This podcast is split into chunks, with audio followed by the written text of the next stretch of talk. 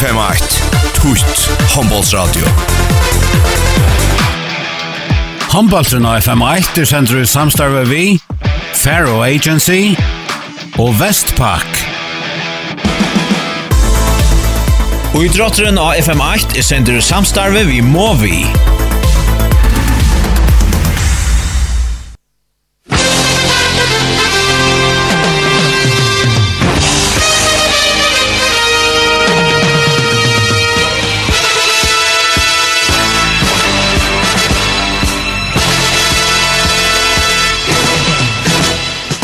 Velkommen til Beinleis SMS håndbalt her av FM1 og støvan og i SMS-stelten i tann er at H1.4 er 8 li og hever vunnet grunnspillet. Ter hava 1.30 sti, nummer 2 kjentel 23 sti nummer 3 skjøtnan 20 sti og nummer 4 Nashten 20 sti. Kjentel har spalt 1 Færre enn skjøtnan og Nashten og Og i atar enda noen STUIF talsti, VP60 og atast EP vid Feimon Stion. Vi tar Sjur Hildarsson, Høytal, Staddan, til Dysten, Mittelnarstan og Stjødnan og Sjurur. Det er snurr som at uh, ungenga etter noen har en alfjær skilje i Alenon.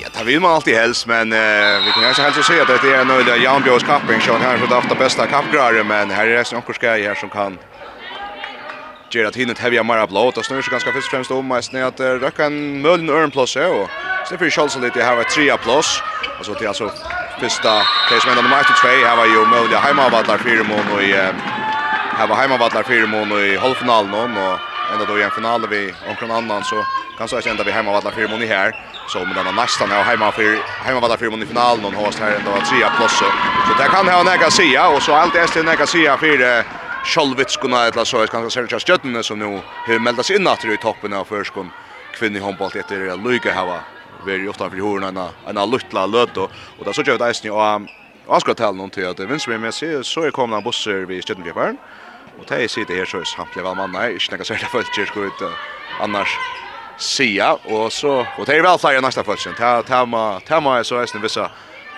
vissa lustar om Stjøtten er byrja, eller nesten byrja i bøltene, her har spalt seg her i bøltene, men har spalt i halv annan minutt langt nå.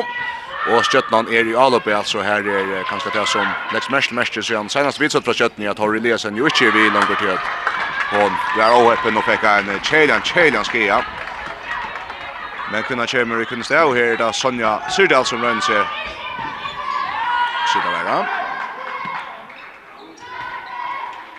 möjliga forskare. Vi tar på stötten som har ständt nu till det sideskort är i mål av vänster vanger Katsen Bertelsen av vänstra Bacci och i värre stöv alltså Julian Olivko så i myrvärden Malena Massen och Dorta Jojic och högra Bacci är eh, Jansi Jakobsen och så av högra vanger är det Sonja Syrdal ja.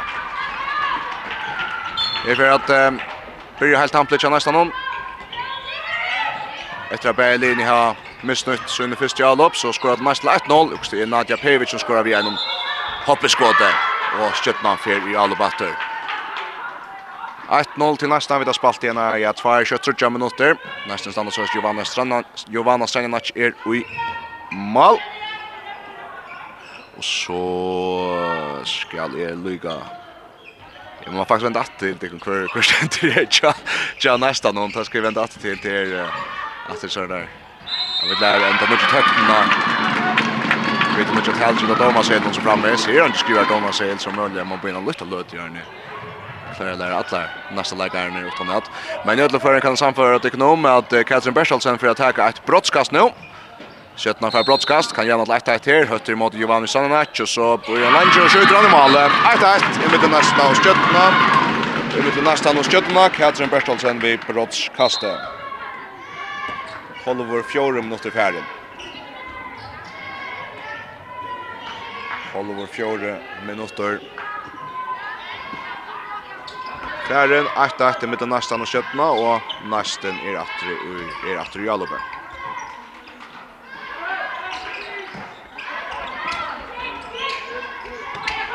Ja, här Maria Nolsen mitt vid. Där sigde det fantastiskt spalt och Sara Mikkelsen tar sig och skjuter in det journey ut. Så för att sätta rullar sig fram mina. Dora Görs för bort fram. Hickar mot vänster. Innan stigna Malena Färn två för hon och så skorar hon till 2-1 till Stjärnorna. Här kommer faktiskt den nästa hand i mitten här där Dora Görs Ivas och Center och så röna få en stigna bollen med Stine på loft men vi är i att löfa här Malena Massan krökt bulten till sig och så är hon ärende läst han så tar sig mot mål någon och så är 2-1 til Stjøtnuna. Nadja Pejevic av vinstra Batcher spil Maria Nolsøy, Armine til nästan Nolsøy til høyre til Inguna Persson. Men i høyre håndkjer Bjørsk Johansen, og så inn Armine Sara Mikkelsen. Nå stender vergen til Stjøtna vel, per takla Nadja Pejevic, og til han blir fakten. Gjendan om vi med landa Strum och Breston, for Nadja Shota och hon tar brøtten i Mali Esberg. Kjemmer i ferien mot oss og kjemmer så rennant Jondron skott og Janar til 2-2. 2-2 med den nästan och skötna 5 minuter var nu. Då det upp att Henka Johanna Bjärgar Johanna Bjärgar längs skott någon Bjärgar bulten upp på Stanchna och så ut och så kastar kött fram efter fantastisk boll från Björsk och så Lisa Bjergar från till det så ett skott oj. Skott mål då efter är en rimmar sending från Marion Olsøy. Ur nästa värjen ner till Fröja. Högra vånge där ja, Fröjer också Näck sagt, här är här är Lutja Plosse, men hon vet just hur ska kan sända den bollen så han delar ner bant här som Bersbjörk Johansson kan få han mittlen att lära känna lägaren och så är hon jökten till det side ska vi rimma Björk. Så han kommer hållast flott spel. 2-2 i mitten nästan och köttna framvis vid spalt i ena 6 minuter knappt här. Köttna lägger ner i högra vi anser, så i högra backen till Dorto. Dorda flit in det så man har vänstra back Sonja missar bollen och så fära nästan kvinner i all upp. Jag har inte släppa så kött i all bäst för. Mo förska bulten åter och täcka frikastet. Bulten stöcker i beinet ta i. Och spalta nästa matchen. Och stöd Barsarska. Och här i nästa backen. En av halt ungu leikaren som enn annan fyrir i færin at uh, Gero Oliver om sig nu Sætna helminnsna kappgaren hon, som vi så i fjør, det är Marian Alsay som blir djøkt notar sjøen för fra brottskast för att takke det själv. Marian Alsay. Og Theresa Bjergar. Teresa vi går brottskastbjärgen kan vi fakna i stötten där i åter. 2-2 i mitten nästan och stötterna. 2-2 i mitten nästan och stötterna.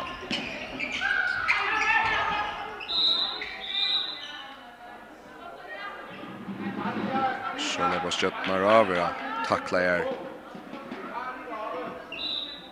Mitt fyra guldkort i Myverni också till Natja Pevic som färda gula korset, ständ om linja Brynju Höjd. Här boar var ju det Her som stjøtten i alloppnån.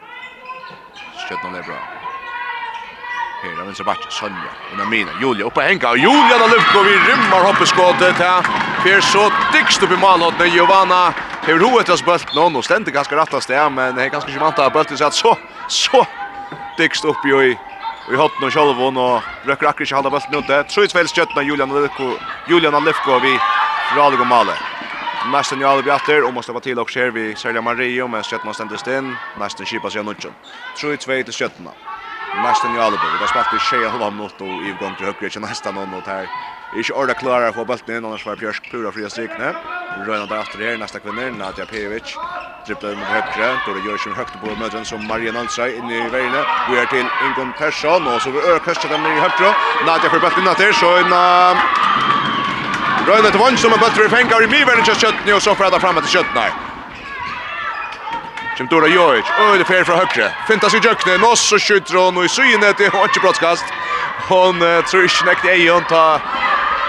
Ta ikke vi dømt, og i ligger hon etter fram i nästa, fram i nästa male. Men nästan kan fram fram i högre och skjuta bulten i male vi Ingon Persson. Släpper jökne nästan helt ut i högra vången, men får en fina vinkel i mot Therese som gammal og i treffer av Petja Bølten og med Bølten støkker i Mali Korsne. Troi, troi i mitten nästan og skjøttena. 8 minutter og 20 sekund færen av fyrre holda ikke her i mitten nästan og skjøttena.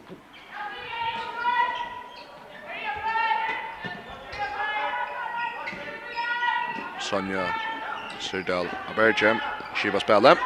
Kvar til Julio mitt fire, så Dorta, Jojic, blir fengt med vær nå og blir takla Liot, ut frikast kjøttna Brynja Høy og Nadja Pevic fikk nesten om taklingen her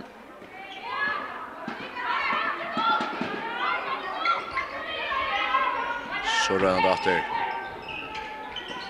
Skjøtna, Sonja Syrta, Loppa Henka, Skjøtra Pett fram vi, och nästan för bulten, nesten för Bølten. Tru, tru, nu mot Farner, nästan för kött och mine här.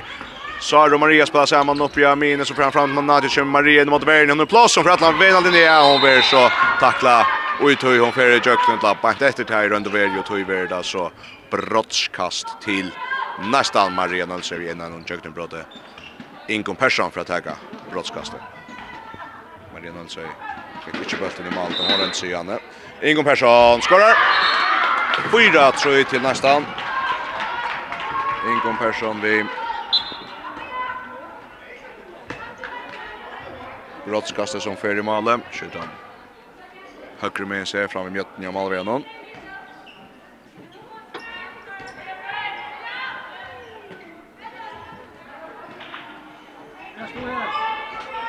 Så lever stjøttene at Julia.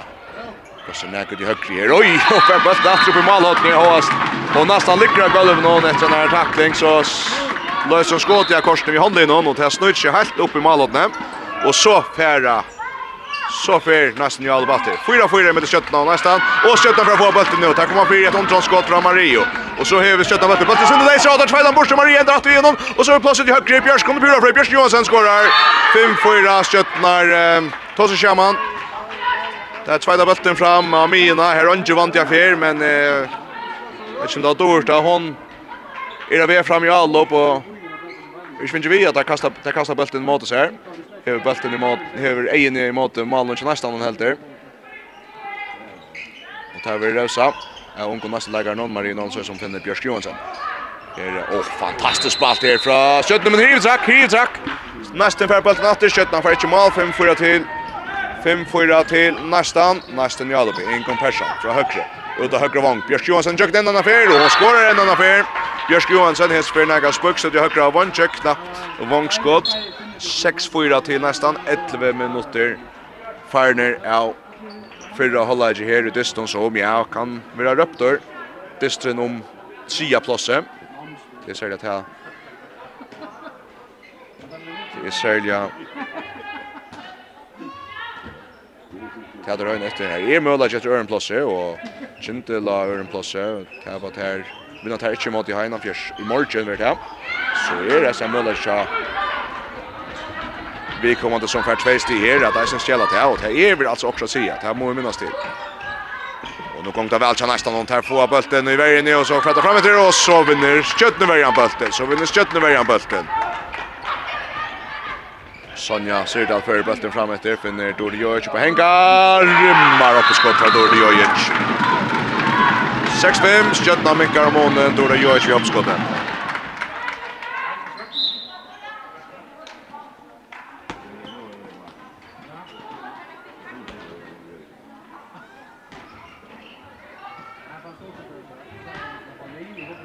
Nasten Lebra, Maria Mølsøy kører en finger i loft og så er det allar til Raja kvall for Kipan kommer nå, hender også til Høpkre, Bjørsk Johansson kommer til på nå, Tida der kjører senter, og så Nadja kommer midt fyrir oppe, henga lengt ut fra, halv ikke etter der atla og og vi er stakla, og for ikke løst av skått, og bøltren for Roman fyrir, ikke dømt, Stjøtna for bølten, Stjøtna for fremme til Sonja, Ødega plass inn mot Verne, og hun krøsser jøknen og skårer! Sonja. Syrdala Berge. Dribbla alla veien, rektar i verje støv i høkra vantje, jøkne mitt fyri, og så sneier hon seg fram i Nadjepevic. En lyd här i mittlån. Men för bulten i mors, här bulten i Male Korstene. 6-6 i midten nästan och Skjøtna. 13 minuter farner. Skjøtna, jag finner Janne ut av 13 Nästan var kanskje lyd sin rom og noen løtto. Så kvar 18 vi skift her nästan. Nadja, att vi fyr mitt fyra. Langa till och att det värja fyra och Therese ändrar bulten och så fräddar fram till Sonja. Dribbla in den för Mina. Vi dribblar den. Det rycker ju över Valjan. Vad gör hon? Hon plossar till Hicker mot vänstre och tar om att uh, missa foten fäste kötten här men tar foten så att ända. Nutt. Klar. Tar skipa sig nutt som sig kanske inte se kötten här. Kötten i Albe. Och så värsta på på den matchen så blir höj. Inte spelar nästa linje nu. Och som Så hon inte för för spela. Vars en att han som ska ha varit mest essent i år. Och just att plåsta med Lana Marin Olsen som har varit ofärdlig essent så senaste veckorna. Ola Jojic, där köttne arpa i röjlet först det vänster som mot högre så rotarna så läser att det och så vill han tackla just där någon faktiskt släpper fri. 6-6 i mitten nästan i skjøttene. Fyrsta minutter far ner og fyra holder här. Stjøtnan spiller bulten på først og så ut av vinstra av Vong og så kommer Katja Bertelsen Bjør av en midtfire bulten med Stine Leiser men hun blir så ikke takket til frukast til høyre frukast til Stjøtnan Stjøtnan i Alupe Malene Massen kommer rundt vi runga en gjer så Sonja høyre bakke og det lullig det at Dorda Eisne Dorda står alt og nere i verna så ser på Sonja i er i Atlevo Høtter mot venstre, så her var det Josh. Det var ikke bare det var for Jali rundt over da. Ta fet. Oj, Dora Josh kjeder bøtten, pura vann og støve. Og så får han kjøre bøtten med seg. Hon trippla bøtten, eller slær bøtten, ta Giovanna skal spela til sin. Fyrsta leikare, halte til Nadja, stannar boja til bøtten, og så kommer Dora Josh bare og slær bøtten. Men hon ställer så mycket att hon ska liksom bruka tvär runt och få han åter så kan han inte dribbla att han fick fjärtråd och så man skjuta så så ja en 8-9 meter och han har sån fru mot mål men det blir sån löje till att plötsligt här och inte og kan inte dribbla. Och så Jovan ända vid Bjergis i korsene. 6-6 i mitten nästan och skötna 15 och halvom mot färden. Nästan Jalebe, Nadja Pejovic. Det är mot högt, så ingen person. Nu har vänstra backen. Mariano Alsjöpa, en gång! Skorar! Slipper bant upp fra och langa bulten bant fram vi. Bant fram vi. Malvera någon upp i målet med 6-6 till nästa. Stjöttan i Albratti. Sonja vill takta. Ser det som Jan lite och inte dömt. Frukast. Ser inte dömt men Jan. Rosing Myren. Frukast Sjönde. 6-6 till nästa. Vi tar spalt igen här. 16 minuter. Jeg fyrir holder ikke like en jant da her, og linja skiftstakk först om lastneisene.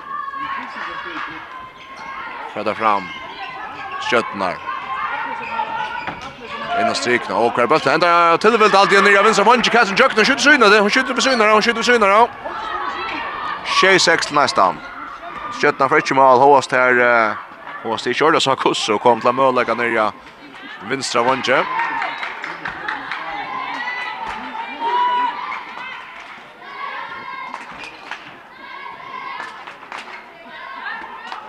börja nästa avskvarna och höjrast. Vi har till näst ni annars det vi snur hålet. Vi bara hålla fullt men det lär mig sen du skjuter ändå när börjar vi vill säga. Ja.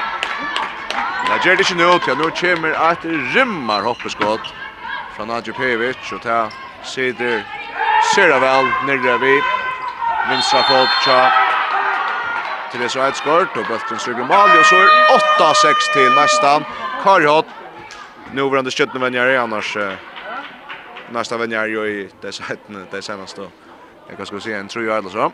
Tek time out och ska ta sig vi som likar luften förresten trappa lån i skötna det här.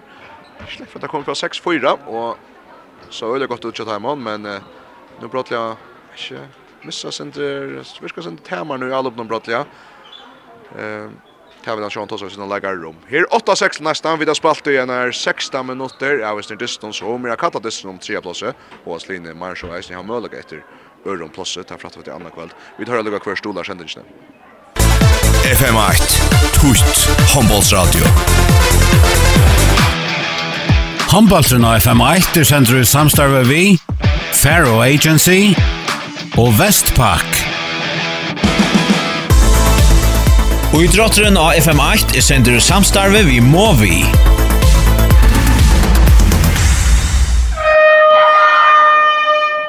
Åtta, sex til nästa. Vi har spalt i 16 minutter av fyrre holdet her i Ta i kalla verur dystren om trea plossi. Det er nast seinaste dystre grunnspelen og tja bæg næsta hon og stjøttene og te kappa særlig vi Kintel. Kintel hever ein dyst flere enn te bæg etter og trúst de flere enn til begge. Det vil si at uh, vinnaren der kan minke om til Kjentil vi einon nir hjertsti, og Kjentil hittar altså Heinafjers i anna kvöld, og så hever nesten eisne Kjentil heimavøtle, eh, lærdagen, sundagen, skal Så få der hjelp fra Heinafjers og vinna per nesten, vinna nesten her av kjøttene, og få der frá fra Heinafjers ved at Bæsa Kjentle og i morgen, så kunne der teka anna plasser vi sikre av Kjentle sundagen, blev så spørst, og här skulle det först knekva skjøttene, som hever nekra luktande våner. Och det var Jens Jakobsen som faktiskt var röna sig ut från nu Huxie och Böltren blir inte ikke orlavanda Mitchell, och så færa där öliga kött här nästa næsta kvinnar til Lea Mora, Vilsa og Ponche, og Therese Eideskårds for at vi er nær Størbjergjeng. Hette det bruk for i skjøttene om det ska komma att det stän kört här ett borser det stan men okej det är det kanske nu till nu då han kastar bollen och strik när Malena Massa ständer över sin långa armon men eh, armon är då i nästa vägen ner och ta grammare och få fätra bulten Det nästa vägen öde till Rajer till för att Stjøtnan atleisar her. 8-6 nästan och så vart höjden lyckas stekka. Kvart vart det at jeg er en leikarskap i Lissu i Stjøtnumerne, Sonja.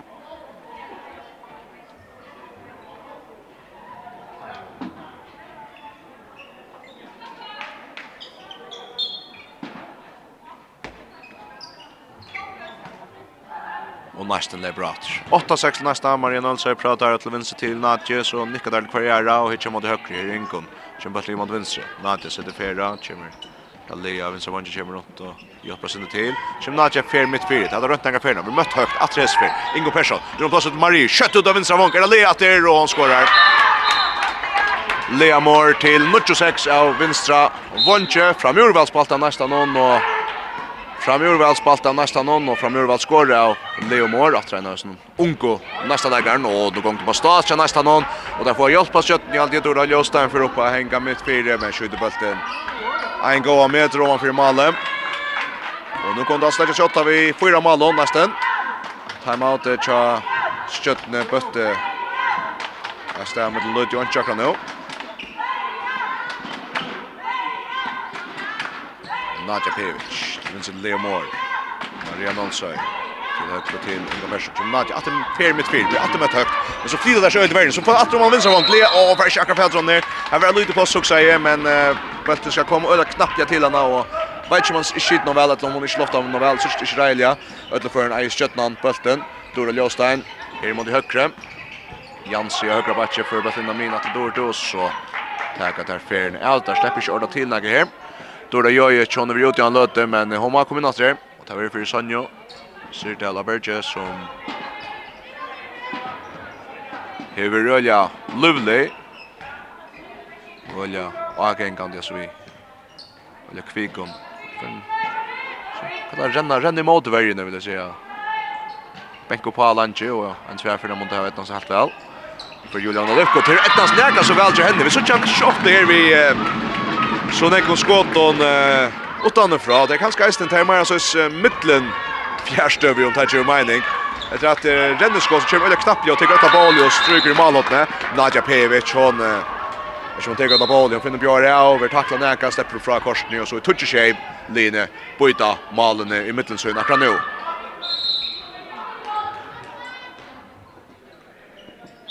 Fyrst eh, framjormal fra Julian Lefko så atter rätt ser väl ett mål från Nadja Pevic in med. Spår är vi kan ska så Julia är som har alltså just plötsligt hinna spelaren ofta och snillt till Jökkenbrott någon en akkurat störskytte. Och och heter kanske akkurat det som sköttan då väl all får det bulten fantastiska väl den strikna till Dora Jostein så finner Malena Massen. Malena Jet, Ricken jag strikning och Dora det är sätta och Bästen kjem perfekt inn her. pura frukt og så två mål amoni att stötta Mikael Amoni vi Malen och Massen. 28 till nästan. Vi har spalt i 21 minutter av förra halvleken. Och næstan i alla Ingon Persson, Namina, Nadja Pevic. På henga, vi er till Ingon. Ingon, åh, hon krøster mot i veien. Jag ser se domaren ner och frikast. Ja, Stråk Robert Onker skjøttene med igjen. Vi har Onkerstein i marsjen og midt i midtlen. vi til det i midtlen. Og for en frøykast nesten verda. Marian Olsøy. Lebran Eker høyre. Vi Går ut Lincoln. Ølja kvikkja og Ingun i kjøkken, med så kjøver at Trem Bjergjeng fri. Vi skjøtter med Almon. Therese Eideskort. Rymmar Bjergjeng atter i frøyar støve. så fra han skjøttene hjemme inn. Og så en midtfyr, Dorda, utlvinsen Julio. Dorda Ljåstan altså. Då det gör för bollen ner högre. Åh nej, det är inte. Tui att Ja, det första som händer är att nästan kör i mitten, men det nästa som händer till att uh, domaren brukslar för frukast. Jag tror Joslan från Onton och tar Sean det rätt. Så här åter åter så här så kör Ulla Hövo likar ner inne skötten Malena Massan har strikt då det gör inte högra backen då det Jostein mitt fyra och hötter då jag gör ju på nummer och läser då de har tagit sig ett som färs på honom. Ida ser center som spelar samman här. Julian Lefko av vänstra backe. Nickar Dor Ljåstein. Jag kollar så. Börjar vi en runka en tjoen i gång till högre. Löfter under vänstra back. Backa där center så så där flera. In mot min Julia tatt hon där och så skjuter hon häst skjuter hon om ovanför. Det vi otroliga väl skjuter hon skjuter om ovanför så kan där för skjuta lopp in där. Giovanna fram till Björk Johansson. Det är ett minster skjuta lopp. Björk Johansson är pura ensam främst.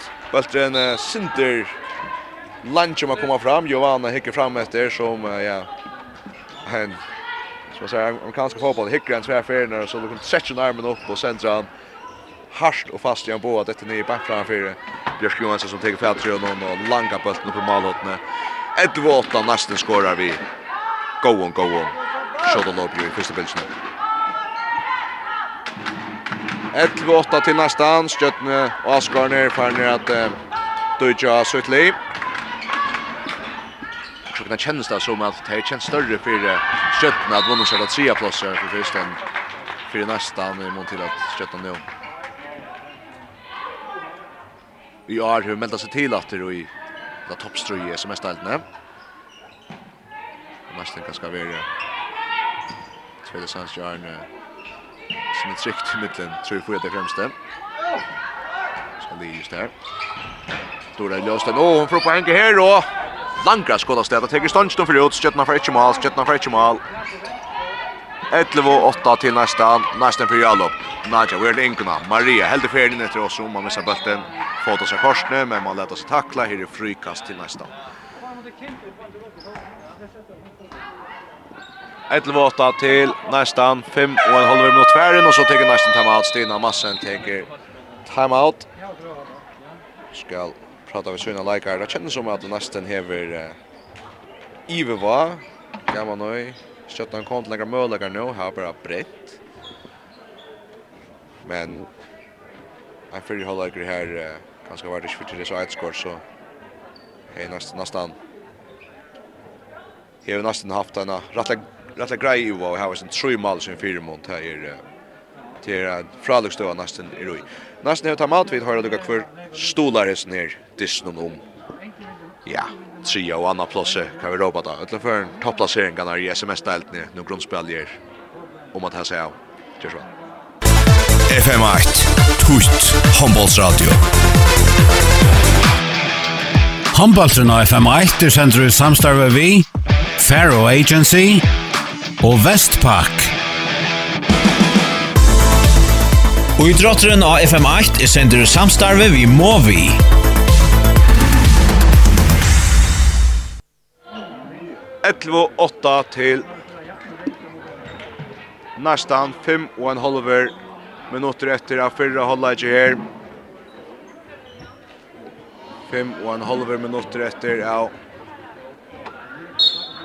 fyrre halvleik nesten vi prater om tinsen här her Erik går Arstøvi och jeg har pratet Eisa om att hålla fram vi tog av støvene.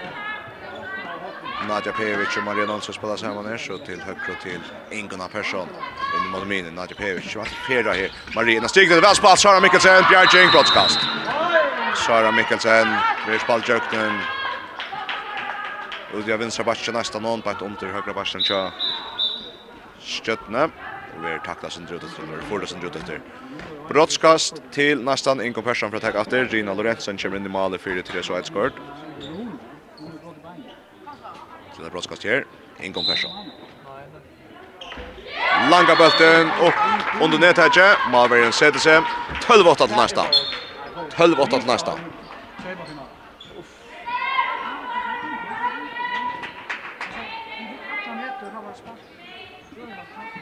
Knapper 5 minutter etter ja. Fyrre holder ikke, nesten røkt på fyra med Alamone. Grei uva til nesten her i høttene i halsen. Nesten av statisten og i SMS grundspel någon. Berlin är tjocka i färre i halvfinalen men uh, ett annat plats som är det boy tja kanske säga nästan någon här vinner här idag. Hej. bött mycket om vann när vill säga. Ja. Og det ser godt ut i dem nå. Nå kommer Katrin Berstholtsen i Jøknas av Vinsavanska Köttne med Johanna Sannars Bjarkar helt i Lattlia. Så fer han neste av kvinnan Jøkna til Ingon Persson og hun skjøtter i synet. Det har inte dömt oss Köttna för bältet natter. Så neste ikke mal Hesfer. Kunne der revsa nå Köttna. Judan Nödeko för framme till. Langa till Giovanna Penka bulten. Giovanna Bjarkar så bulten. Hon skjuter att uppgeda Malot nu här. Det är nästan Julia väl och tjata kanske blir en dust någon. Johanna Sannars kommer att nå vägen upp i Malot nu och fär. Bjarkar bulten nu till Malkast.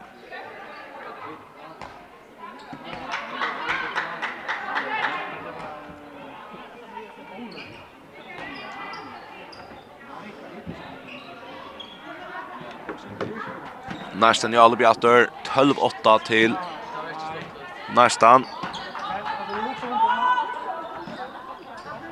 Nadja Pevic atter go fair ner til Marie Nolsson og pura leis og så rymma Bjergskana over til side score. Grett beste leikar til kjøtt her til det. Enda en affær Sergio Feria støð og Mr. Sverre til kjøttene. Til side score rymma rymma Bjergskana. Marie Nolsson vi enda noen gang jakken brødde.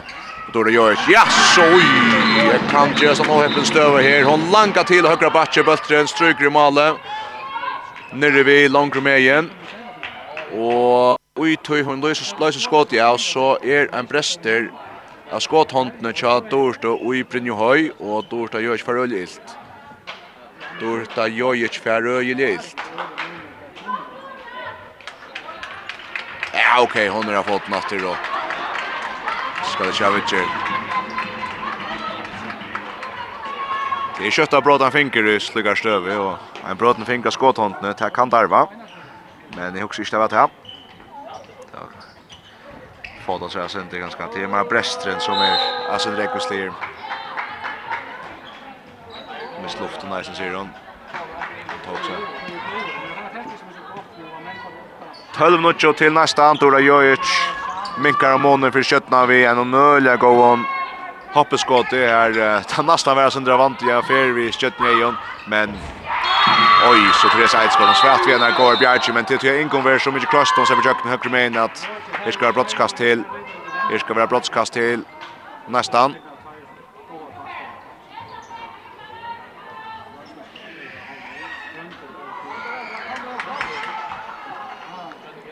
Inkom Persson. Skjuter skorar. Ingon Persson skjuter skorar 13-0 till nästan halvår 3 minuter efter av förra hållet her. Och det går stöd till nesten natter. Och Sjötnan i undertall i tvær minutter, eller Samson fikk utvisning fire. Så sen så stövna ta i hon ja Montia först. Ingon Persson. Stjøtnan Stjøtnan Jalby, Julian Olivko. Jeg tror ikke mal vil han ut. Så Julia midt fire, skifter bølten vi. Dore Ljåstein, Krossar Dore Ljåstein, hun er godt plass stort. Og Johanna teker bølten, og Øtsan Bojet kan ta maskinen sin rønke. Og så får han nesten kvinne fremme til Bjørk Johansen. Ja, hun skal toucha seg ut etter bølten her. Ta kjøren frem til vannsjen, og så får Therese henne latta Bjørk og i skjøttene malen henne. Men sen lön stöd, det då det gör som vi kanske sen tackla först och så är de faktiskt jöknen och domar säger okej, okay, törst så mycket fröja att det ska inte dömast. Julian Alefko. I mean, inte köttne. Jag tror det löste med sina vinsoli. tror det gör inte sån högre.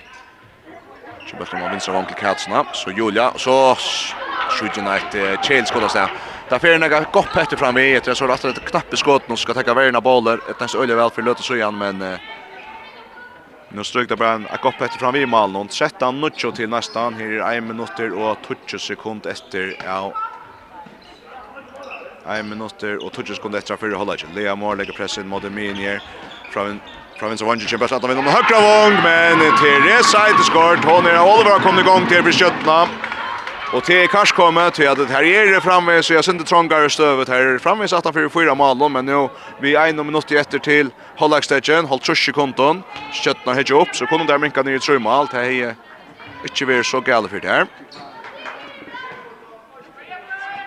Sätta något till nästan sköttan i alla på fjärde skon efter förra Hollagstegen Julian Levko tripplen från vänster så när mina Tore Ljostein upp och hänga och i vergaren och hotna kast till Stjødna.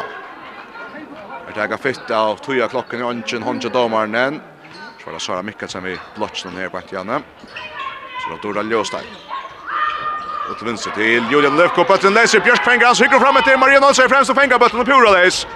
Og så er fyrsta notcho til nästa Maria Nilsson. Vi Shota Lope og Stjötnan, ja, heter han nu men det är gånger i Shotam. Där färs fotbollen spel. Och så hade 20 sekund. Det hade touches kontra bulten där i målen så tvättar han och längt fram och måtte fram och få fältron och så sparka efter då sparkar efter Amina och täcka och ta så där okej här på 2 sekunder tvätta bara mot målen Och så är stäcker. Fyra hålla grejer, första nutcho till nästan. Känns det lägga jant då en löte. Jag också inte förska över sig att eh, var alltså 8-6. 4. Stjøtna var 8 6-4, så han kom uh, nesten første 8-6 og så höll jeg bare av öka oppe i första nutchen nå, og det kom til känns som det kom til det vara uppe det verre, men Teresa Eidsgård i Kjøttmalen hever trakka til, vi några rymma Bjärsk kom ur frun kanskje også at du snøyder sig i minnet det er en tvei tvåa där enda i brottskastet. Så at det kanske kör gakt allt i världen lika väl host. Bjärsk kan ha flotta fyrt her, Men uh, her skal også helt Anna hända just köttne tar tar skulle Där ska blanda kvassa ju allop nu rätt slatt. till att kan nu så blanda runda ner i Shallalop nästan. Första nu till nästan i hållar som vi vet att sätta Hollage om ena löto. Tack för först. Ja, tack så att vi hött ni och hållse, höllen ni och hållse till eh, den här jag kalla, jag vet inte, jag kalla tutningar med gladisten om eh, om tre plats möjlig annan plats är och i uh, grundsplanen som mest helt ned, det så så så att bäge nästa sköttan spelar här. Och så kände då han kanske spelar i andra kväll. Är ju tredje plats i halvfinalen men det är innan innan husets plats nu och tar fyra månader som tar över så skulle fördelas då till häst. Så så har hever nästan vunnit här en gång fyra månader i topp 3 striden om Göteborg och vi sköttarna Til at her er 8-14 Nuccio etter fyrre hållag. Stjötnan er av vettelen at det blir i vettelen her. Sonja Syrdala Berge midt fire Bjora Sindreau blir takla. Hon har stått lagt litt av. Her er Øystein Kjøttli som jo spiller utan Torru Eliasen og Mina Lava Henriksen er heldig ikke vidtømmes. Ikke til så han er så øyne vi er heldig. Så det är ganska Sonja finner ju det gå upp här och Sverige är lovely men nu får jag ta shot out shot och stunch nu vid Dori ju och i hinden den där om att etnast nästan när rösa där på om man har vänstra vång till Leo Mår men Lea hon det skjuter bara fram i långt med igen. Fjärsta nu framvis Hollakström varvakt Stjärnan lär Dora Jojic och det går för det mot det för brottskast. Släpper i mitten Vongo Bakkoks ja. Och här ger vi brinna höj. Ur mig var en över och ropar att så ger så tätjer vi handen och klappar sig av det. Det skulle stanna fast där. Lå, inte i mitteldecken. Men då Dora Jojic, hon snäger sig rökten och får brottskast. Katrin Bertelsen för att täcka brottskast. I mot Giovanni Sanjanac i Malmö. Och Giovanna Bjärkar och Giovanna Bjärkar. Och det går till Giovanna Esne. Och det är sånne avbendinger som vi talte særlig avverda på at nu Arne for undre ända spelet. Så kan han spela som Giovanna Sanjanac komma ordentlig gongt, så kan nesten hava et uh, nekk bedre livlige enn uh, kanskje vi da tippa der til. Therese Eidsgård, annars Sverige. Og trulja gå i fyrre holda ikke i malen og kjøttene. Så. Det er ikke tøy at det kjennes som nesten vunnet malverdes akkurat. Ganske tvørst i måte. Men det er i fer vi at uh, Jazz här spelar sig gås ut lämnar distan. Och så korsning så tvällar bollen bort så tvällar bollen bort. Frammes första nutchen nästan. Hallaksson som var vart nu har spalt i halvan 3 minuter av Sätten håller sig Dora Jörs, fram vinner tackling Will Julio, så plötsligt Sonjo, och Kjem Jökten, och Johanna Bjergan här i brottskott. Johanna spelar så väl, och nu uppe pura fröjer en skott, och Böltren flyr upp mot Malotten, men Johanna först. Men till era så brottskast och till er Eisa sin latta sig Ivan kom upp till där hon vet att kanske bättre än skall hon kan inte köra hin ändan till att hon får ut det till oss. Vad ska Jermaine förlora? Öt för en brottskast stora görs för täga. Hötter först väl uppa och så skjuter hon väl. Boja Lancho Johanna, Fer Giovanna flyttar sig. Hötter och bojar allt som hon kan och Johanna hon känns nu flännande och då sen frustrerad. det skulle jättnast. Då då flyttar sig så. Dora Jojic. Minkar mån till 14-toucho. 14-toucho till nästan. Så går tackling mitt fyra spelar kvar vi är korsen till nästan Björk Johansson skjuter mitt fyra kommer högt av vånchen och skjuter så i så här raka av brottskastlinjen där skorar 15 touch nästan Dora Jojic hon köra nu för skötna så kan nog det här vara her så här lötnar det ta Det kan ska törva omkring at vise vägen så är det hon som sätter färna. Kör att nu. Och så är det nog man spelar bollen här. I stället där de väl ut. Jag vänstra vänster. Släpper inte köket i korsne. Opet de har borst i två med förrän till köttet. Där varvar han korsne. Och så kvadratet. Då det görs. In mot sikte. Bulten i läsör. Och där får han attra trea sönder köttet. Och så attra han var för sig Elvering. Kommer bulten med varvet och köttet i hånden. Där har sett bättre på spelaren i fyra färna nu. Just nu alla upp någon. Men finns ju att kvarja färna. Det kanske akkurat finns han till sön. Så allt faktiskt där nu stann nu för Shiba og Björklet. Då det gör att det går för ut fra och rymmar upp skott. Ja, och så där brann där och lente jag center så ja. Tex jag center till Ritchen där så så. Ja ja. Men skott nu bilar inte rymmar skott 15 11 och så skilla gott skott så och center Malvern ska vara vägen. 15-11 till nästa. Stjøtna minkar mån at vi dår i Jojic är för snålar sig Tajat här. Nice not your Alabin. Nadja Pevic upp och Henka God blocker för skjutna för bulten. Skjutna för bulten. Och så kastar fram emot vinstra vunch. och Tajat Kaiser Bashel som för fältra bulten och så ska vi något Det är Otto Josefsen runt över som kommer in också. Och så för Dora Jörsson Tjata högra backe upp och Henka och Hetta Stitch. Här sprätter Stitch. Han får ikke ordentlig Lars skått i stedet som hun vil. Den vi har bløtt mest skått for Atlan vinn. Alt og lengt, og så er det opp i veien i kjøttene. Det er Bjørsk Johansen. Så har Mikkelsen vil fakta for en screening her hestene. Vi opp til Bjørk Johansen, altså høyre vanger som nå har øren sinne. Hun har stått av løt og brøyder kjøkkene midt fire. 16-11 til nesten. Det er Det är rätt jag sa, det är seriöst framförande från nästan. Det här må inte ens sådana. Det är oss, det är seriöst framförande från nästan. Det här tar det. Och särskilt att det är så här, åh, nu drar man vinner bulten i världen och Köttan svajtja bulten i korsne. Julian och Lufko röjner halta affärerna. Kör inte, oj, bulten han är som smör i hånden av Köttan. Men där släpper en annan för sketchen nu. Så ser där spelar på nutchen. Att han får fem mål natter. Samma som det var i Hollandsson. 16-11 till nästa. Vi är innan strikt. Åh, nästa vinner ständer väl nu. Och här är om att få han här frukast och nutsch. Frukast och nutsch om till skötterna. Så stannar vi... Nekvon ungon leikaren inne, Björs Johansson er ikke øyelig Aperter seg sans lötna. Bergen stendt øyelig stund her, og och tappar Kasaman så rör där lett opp om en høyre vong, men Bötter sitter ikke noe vel. Han får at la vägen ut till Jakaverda Malkast. Håvas Johanna att ta inka så ska hon åter få bollen åter och kasta målkast. 16-11 till nästan. Vi måste skötta ner nästan puro om han nu är det så det är öjliga samfrande väldigt stör från från nästan någon där flyttas sjölt då.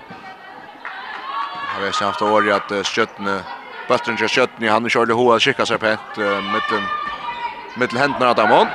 Oj oj oj men det är Jan Björk Johansson som nu ordentligt för en hårratcha just här.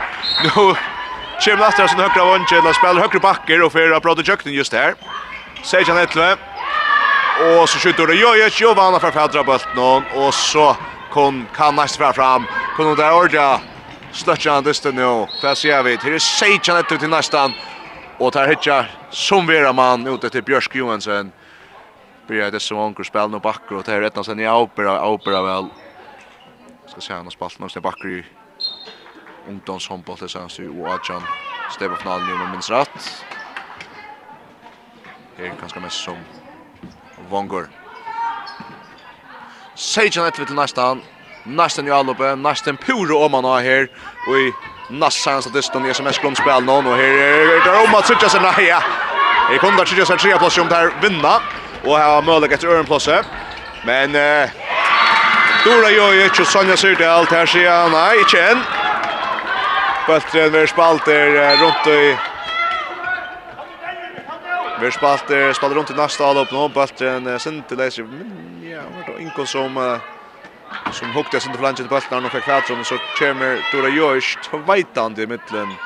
Ja, fram i beinen. ja, nästa lagar någon och får krökbult till Sön och sätta fram till Sonja Syrta. Nästan det bra. Ingen person. Oh, verja stendur fyrir fyrst i atle og frukast næstan. Stjötnan er færen ut at Mats verja Nadjo Pevic. Slemming Bjørs Johansson har høkra Baccio Atelsaro, hon fær med ser det katt, frukast. Og det skal jeg sige, ikke sige ting så mycket tölja som jeg gjør Men Björk Johansson, hon är gong till han fram, Ordest här. Nu kör Marianne Alsjöst in och hjälpa till och tar er. Och så spelar där väl. Nästa lige. Lea Moore, Gerda Lea, och också spelar samma strik, den Sara Mikkelsen. Och ett John Tull till nästan. Ölt i utskott från nästan ner, och så att det gott mat av köttne. Sonja Sirda spelar han. Ölja knappt och ölja teporst. Här har inte plats här inte Malena Massa, men hon får krökt bulten till sin korsning och mikramont och Arjan Trettan. Fem mål av mål efter. Köttan för ut och tar Grace Marin Olsen på styr spelen. Så det kan bära Nadja Pevic och Marin Olsson. Så det är Björk Johansson. Hon ska halta fram av alla klot ner. Och hon fintar. Och det stryk! Det är fantastiskt mål! Sara Mikkelsen. Ja, ja. Där har Tidje. Tvära. Profilen under backchatten känner nästan ut. Och så kommer Björk Johansson som ganska mest överkänt i vuxna kvinnor i handbollet som vanker nu. Och ja, fantastisk spelning här. Så han luktar fotfint i högt mot högre och så spelar han mest som en blind till vänster. Sen Sara Mikkelsen pura för. Nu är han 13 att det sörd och Aja Mal från från nästan någon. Och går nästa lägger han tagga. Serverium Ratch nu. Nu är han 13 nästan. 6 mål om målet. Då det görs upp på Henka gott skott att. Honke Lange så skjuter han ganska ut och hon har väl ner åter och Hon är väldigt god styra av Makram Haller i Giovanna Så här ut för sig akkurat som är hon så hamnar dyrt här ut att hon häst för hur för rätta vägen men faktiskt spätter han nu ska skåta korsen Nu kan fjärstan till nästa touch och en halver minuter färden av Sætna Hollage och så checkar Slong Björk Johansson hon för in mot vägen och så Jim Trock och sitter över dömt. Så Jim Trock skjuter han i alla Sonja in i måte. Inna mina. Så högra back Julia. Skjuter då. Vanche men nej här kommer nästa kvinna i mitten. Här är Näka av Orek via Julio tanka spela bult i kött vi är så färn inte spalta no kött vi är just nästan kommer mitten. Nu är kan fjärsan till nästan vid att spalta i en 11 minuter sätta hålla inte och sköttan häver Leveler halta fram att ta kan Pevic och Marie Olsen pura bort spel någon. Så kommer Björk Johansson mitt fyr. Atle Sara så har det pura fri. Ja, hon backar liksom ut av strykne, hjälper till och så så spelar sin tvärm mot tvärm mot Björk Johansson så Mikkelsen och han testar vinner all upp alltså. Och så kan ska så på pullen ner vanker och strika så så släpper det fram i myrne. Nu kör första. Till nästan brottskast till nästan Ingon person täcker i mot Rino Lorenzen. Ingon skorar 24 till nästan 11 och en halver minut i färden här. Jag satt när hålla ju och nästan puro om man har rätt om man har och om vi så må säga. Vi är när eh, nog så stärskare avbändning och stärsk om teknon till enda spel som kommer. Oj! Oj, oj, nu vinner nästan att bulten. Nu vinner nästan att bulten. Och det är bara Mivern tar stå bulten där så han tar kommer och tatt vid värjorna. Och så fräddar fram. Nadja, fram i den här tacklingen. Rönnar stoppar bulten vi är Björk Vackra Fältron. och någon. Så rätt bulten där Men det är ett tacklingar här frukast. Här är frukast nästan och nästan händer fram att Ja, det är ett första tag om den dysten och det är att alltså inte släppa det. Nu spelar vi öl i skottet. Rönnan är Rönnan är i utgång, det är något inte. Vi har tacklat för fisk, som Lea Moore och har Mikkelsen som vatten runt ut av strikene der. Sen särskilt ut den nästa manglan lägger och så Björk Sjöström bjöd över högra backe, brottskast! Släpper Jack Nottar så inne Björk Johansen och så är det brottskast till nästan ein öjlig sagt hålla grund spalt. Och ja backren Robert Arno.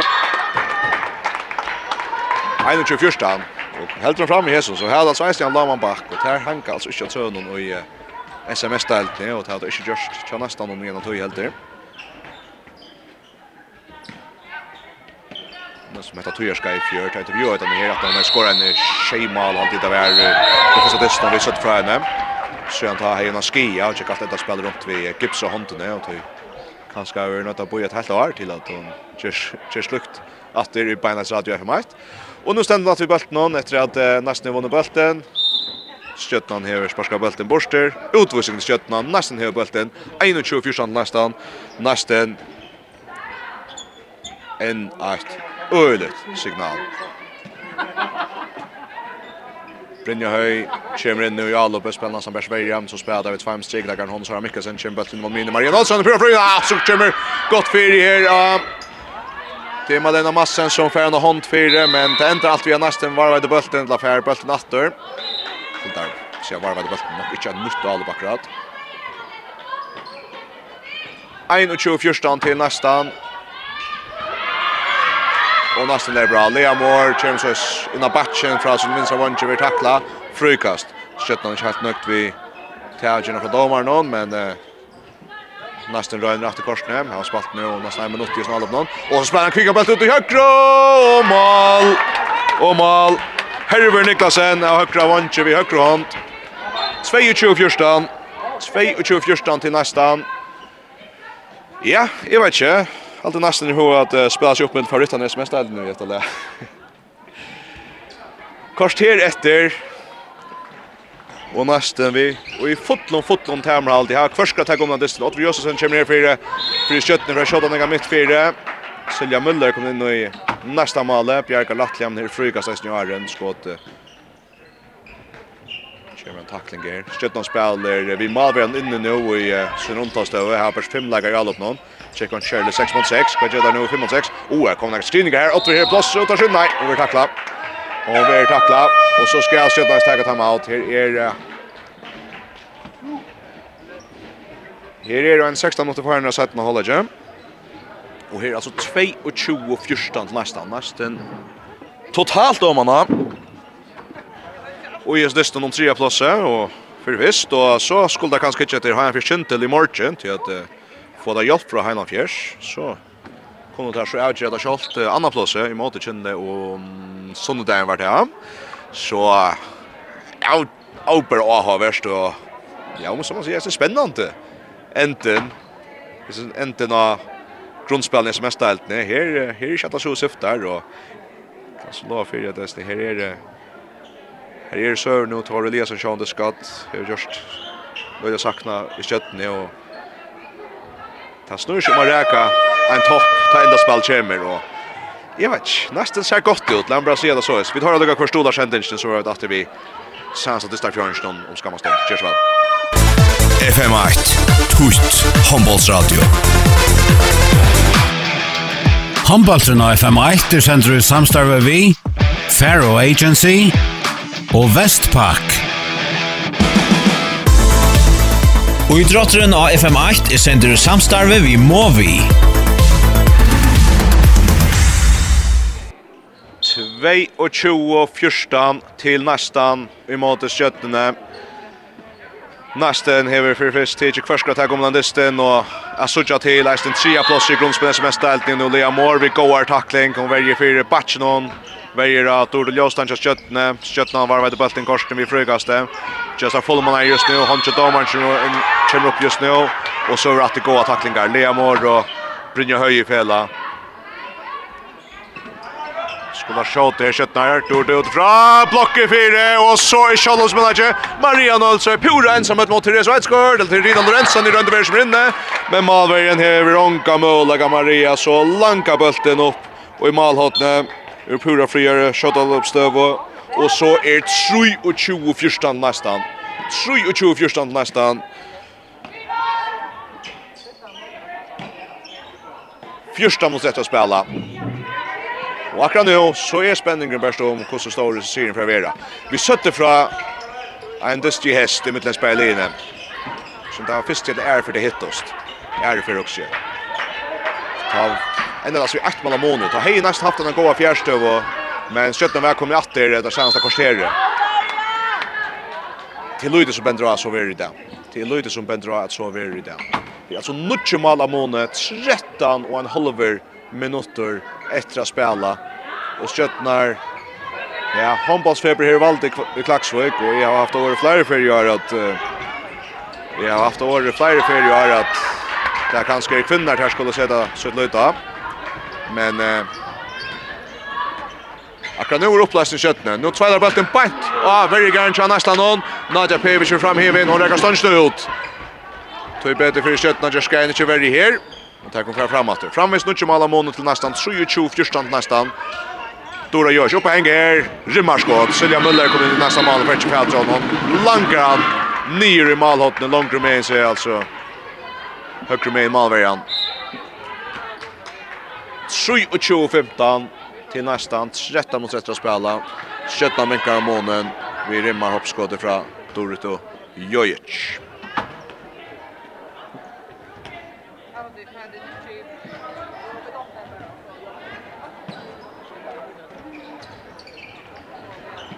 Nästan i Albjatrer, Maria Olsøy ut av vänstra Lea Mår, och så bjärgar Rida Lorentzen i mål nu. Rina vid Bjärking. Så kommer skjuta fram framåt där, Minko Månen. hon. Dore Taljostein. Ut i högre, Dore det görs upp och hänga läkt utifrån. Och det är så mycket läkt utifrån. Och så är det nu smarta tjata här. Men hon langa bulten ner till oj så lyckas hon ha golden Dore Brester Harshamar brinner höja nu. Hon är inte först för det.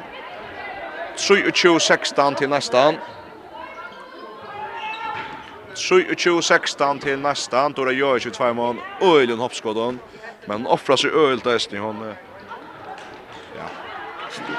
Men henne så luktar jo å si. Så ska inte nå vitsen till. Hon alltid ska å gjøre nästa alle upp. Och för luften natter og spaka sig att i varje stå. Troi och 20-16 till nästan 12 minuter efter att spela.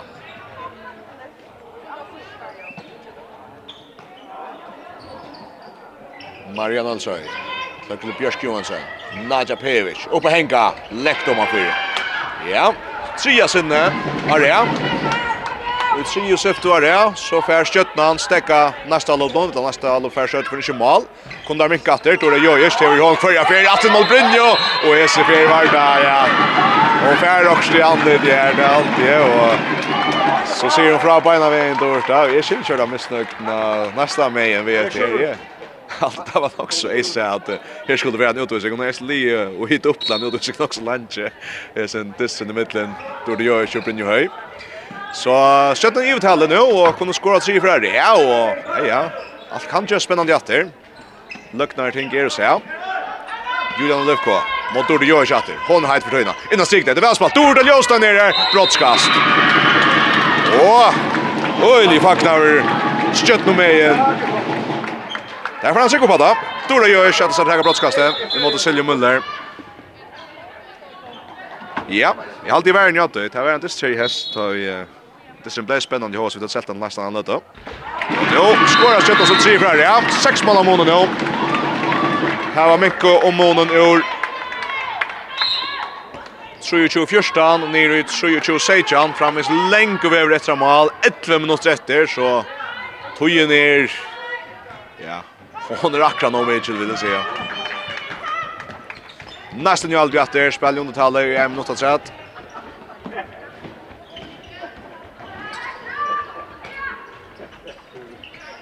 det lever Tar Onko, Maria, Sara och Björk skiftar bulten mitt sen. Björk skiftar bollen högra backe.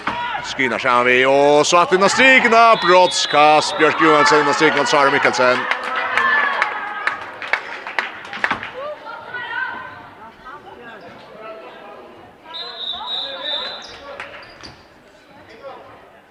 Ingon Persson. För att ta brottskastet. Björk Johansson finner Sara Mikkelsen. Och skorar Ingon. Teresa Edsgård fær efter träff fra Petjas bulten om en bulten för Mala Korsne. Bulten för Mala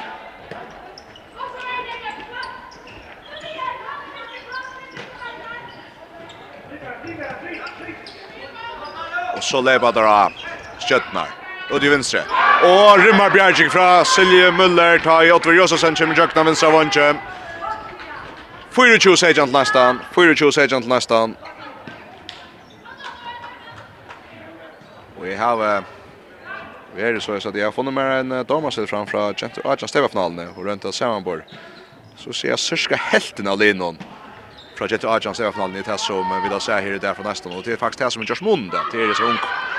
Og vilt avrik for ungu næsta kvinnon. 24 sejan til Nästan spelar till vänster Leo Moore fängaran och så skorar hon stussa bulten i mål. Det håller fänga Leo Moore.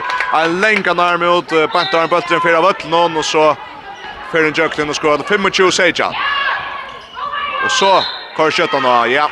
25 sejan nästan sköttan vill tackla i all upp någon frukast sköttan. Leo Moore Gentra John Steppa vinnare för Mana så gärna. Knappt knappt jag tror jag vi se var där. Sen har Sar Mikkelsen av Vatten Nice Mario.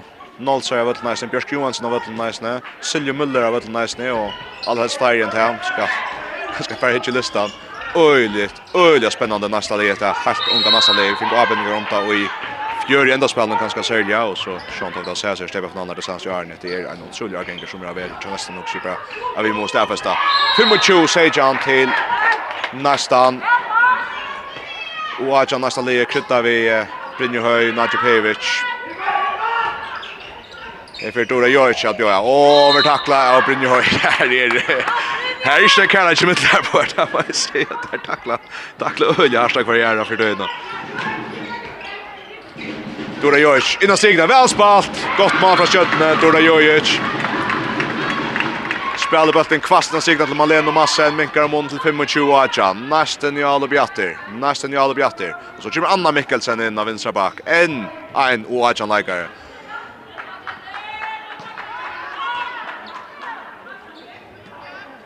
Och så här faktiskt ja. Det är faktiskt ja. Ganska nog nästa folk kan hjälpa mig. Det är helt Aja som rinner på ett nu allt. Purast där. Japp. Yep. Øylet. Och der spelar så vel! Bjørsk Johansen finner Marina Olsen som kommer ölja fyrir från högra batje. Och hon langar bøltet ner till 26 Adjan. Fantastiskt spel fra, ja, og Adjan Lindja nesten må bare se her. Utesten om tre plasset i SMS-deltene. Nu minkas skjøttan om månaden att det är vi Julio Nalifko. Vi tar alla igen för att rätt. Och i mål Silja Müller och Adjan spelare av Vinstra Vange.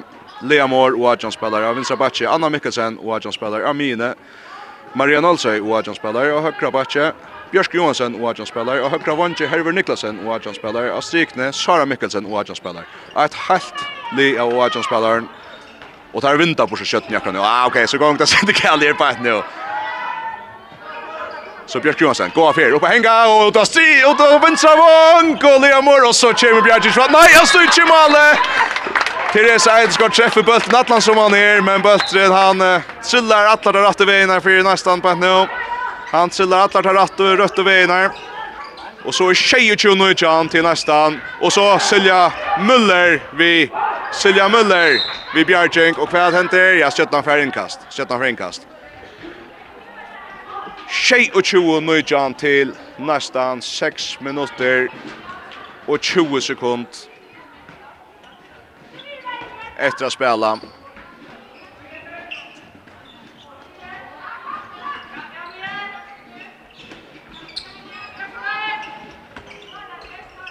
Så det var det här. Ut för högre. Tora Jojic. Langa bulten i det kör nu. Då. Nästen för bulten efter. Nästen framför Jojic. Björk Johansson. För bulten fram. David Savas. Anna Mikkelsen skorar. Anna Mikkelsen sin första mål i dag. Och så en en Oajan Leikar i Amaltalen. Jag har alltid att kommer nu. Vi har utan Silja Müller sjående. 28 nu jant nästan. 5 och en halver minuter efter att spela. 5 och en halver minuter efter att spela.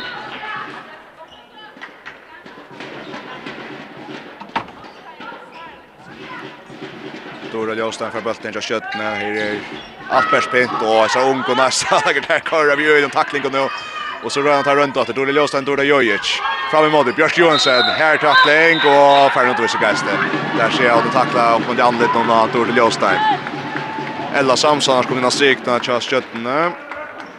Fyra har som har ledat massen spalt för det mesta.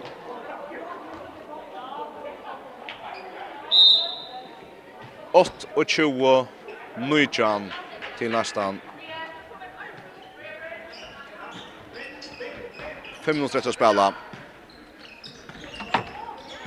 Och nästan det är bra.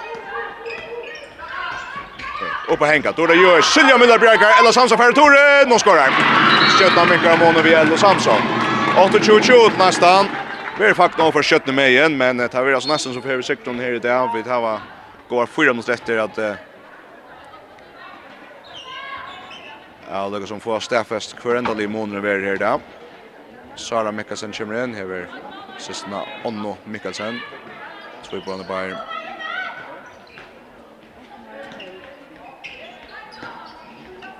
Så må jeg nok atre listan kommer her. her kommer en leker at rett inn, som ei tør. Silje Heinstedt ja. Kommer inn høyre bak.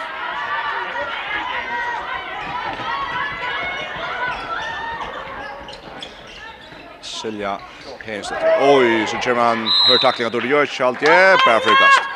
8-2-2 til nesten. Nesten färdsmål i Hesson förra. Men... Uh,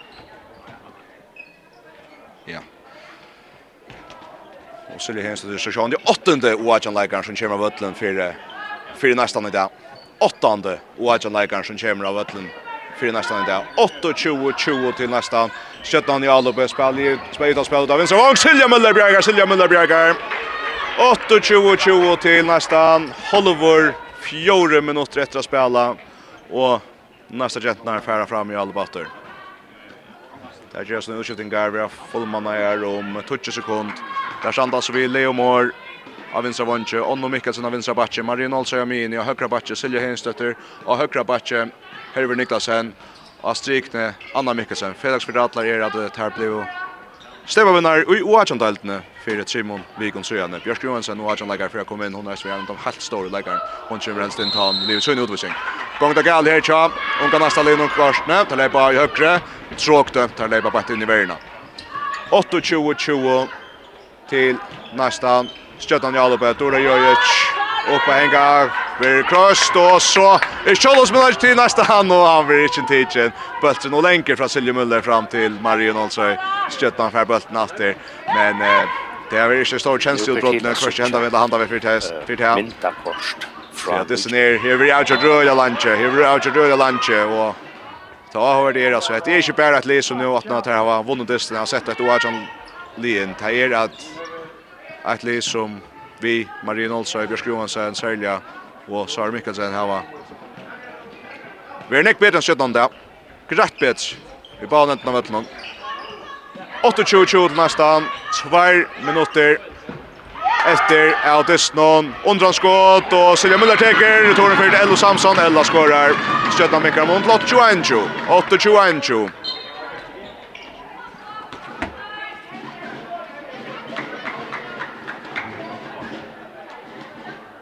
8 og 20, 21 til nästan. Og nästan fram og spela vi Wajan Legaren. Jeg har sett Bjørsk Johansen av Bonsan han løte. Silje Henstøtter spiller høyre bakker. Innan minne til Marie Nolsøy. Innan Bjørn Aver. Innan strikna. Sara Mikkelsen og brottskast. Ja. Vi så et åteljande fyrir. Wajan stepper på den andre fyrir. Fyrir trim vik så gjerne jo. Ja.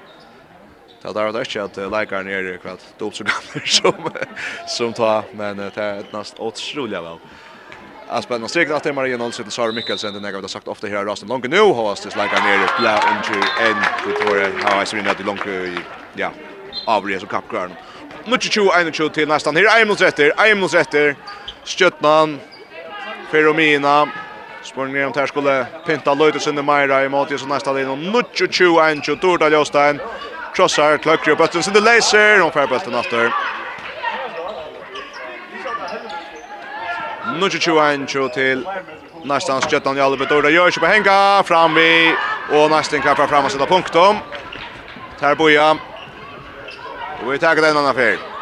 Nästan i Albert. Marianne Olsøy har bötten ner. Spelar vi Onno Mikkelsen, Anna press mitt fyra. Så det högra vång. Herber släpper inte jökner. Kör bötten av mina. Så tar det färna. Ja, hittar på klockan här i 15 sekunder efter ju för att ta ta mat. Så där och så spelar där. Och John Gentile som har knäckt skötten här idag. Det är bra Maria Nolsøy. och det høyre bak. Silje Hengstøtter, Bjergjeng, och ett av er her for i det. Nå 21-21 til nesten. En dyster som legger janta en av löt och Fra støvne 6-4 til 17. Så ble først 8-6 til nästan og Hollagstøen 13-0 til nästan. Og i sættene holder ikke, så helt nesten fram. Bjørsk Johansen får spela høyre bakker. Løst jo helt opp der, ta tar Marianne Olsøy, ikke vær, ikke slapp i jøk. Nei, da Nadja Pevic slapp i jøk, så var det Bjørsk Johansen. Og så helt derfra, Marianne Olsøy, Sara Mikkelsen og Bjørsk Johansen, kanskje særlig at ser Unko og Adjan Leikarner. Helt da at Druiva i måte, skjøttene og hesa seinast og 20 minutter eller så, så så vi et rett og Adjan Leikarner inne til nesten noen. Och det var inte bara för Stuttgart, det var ett liv i öljar Gusko. Det var fakna här från nästa någon. Ölet, ölet Hedgen som nästan center här nu. Tar bäst var inte efter grundspel någon tar för att spela halvfinalen spårningen ner. Vi är tre platser. Det här där Munda har sig här nu och Mischfer Skyvor. Så här där sett andra plats här Kintel framvis er SD framanför och här är Anders flyr efter. Men Tantes är mot Johan Fischer Margin och Jerry Johan Fischer nästan en hjälpande hand. Så blir det som andra plats i mitten nästan och Kintel här i höllen lejer där klockan fyra också där var han skulle minnas i hötten någon. Men i höllen för hon kommer vi till vissa bäge till bäge Kintel och Johan Fischer för det här som Sjötan han fick föla här att nästan tär Bjå är vad så gör och det vi Nørkron, Øljon Talenton. Åtta og Ajan spelar ta till Scholta vill jag säga. Där och en sån stöj i huxi alltså en distr om att trea plus. Ölja, ölja flott.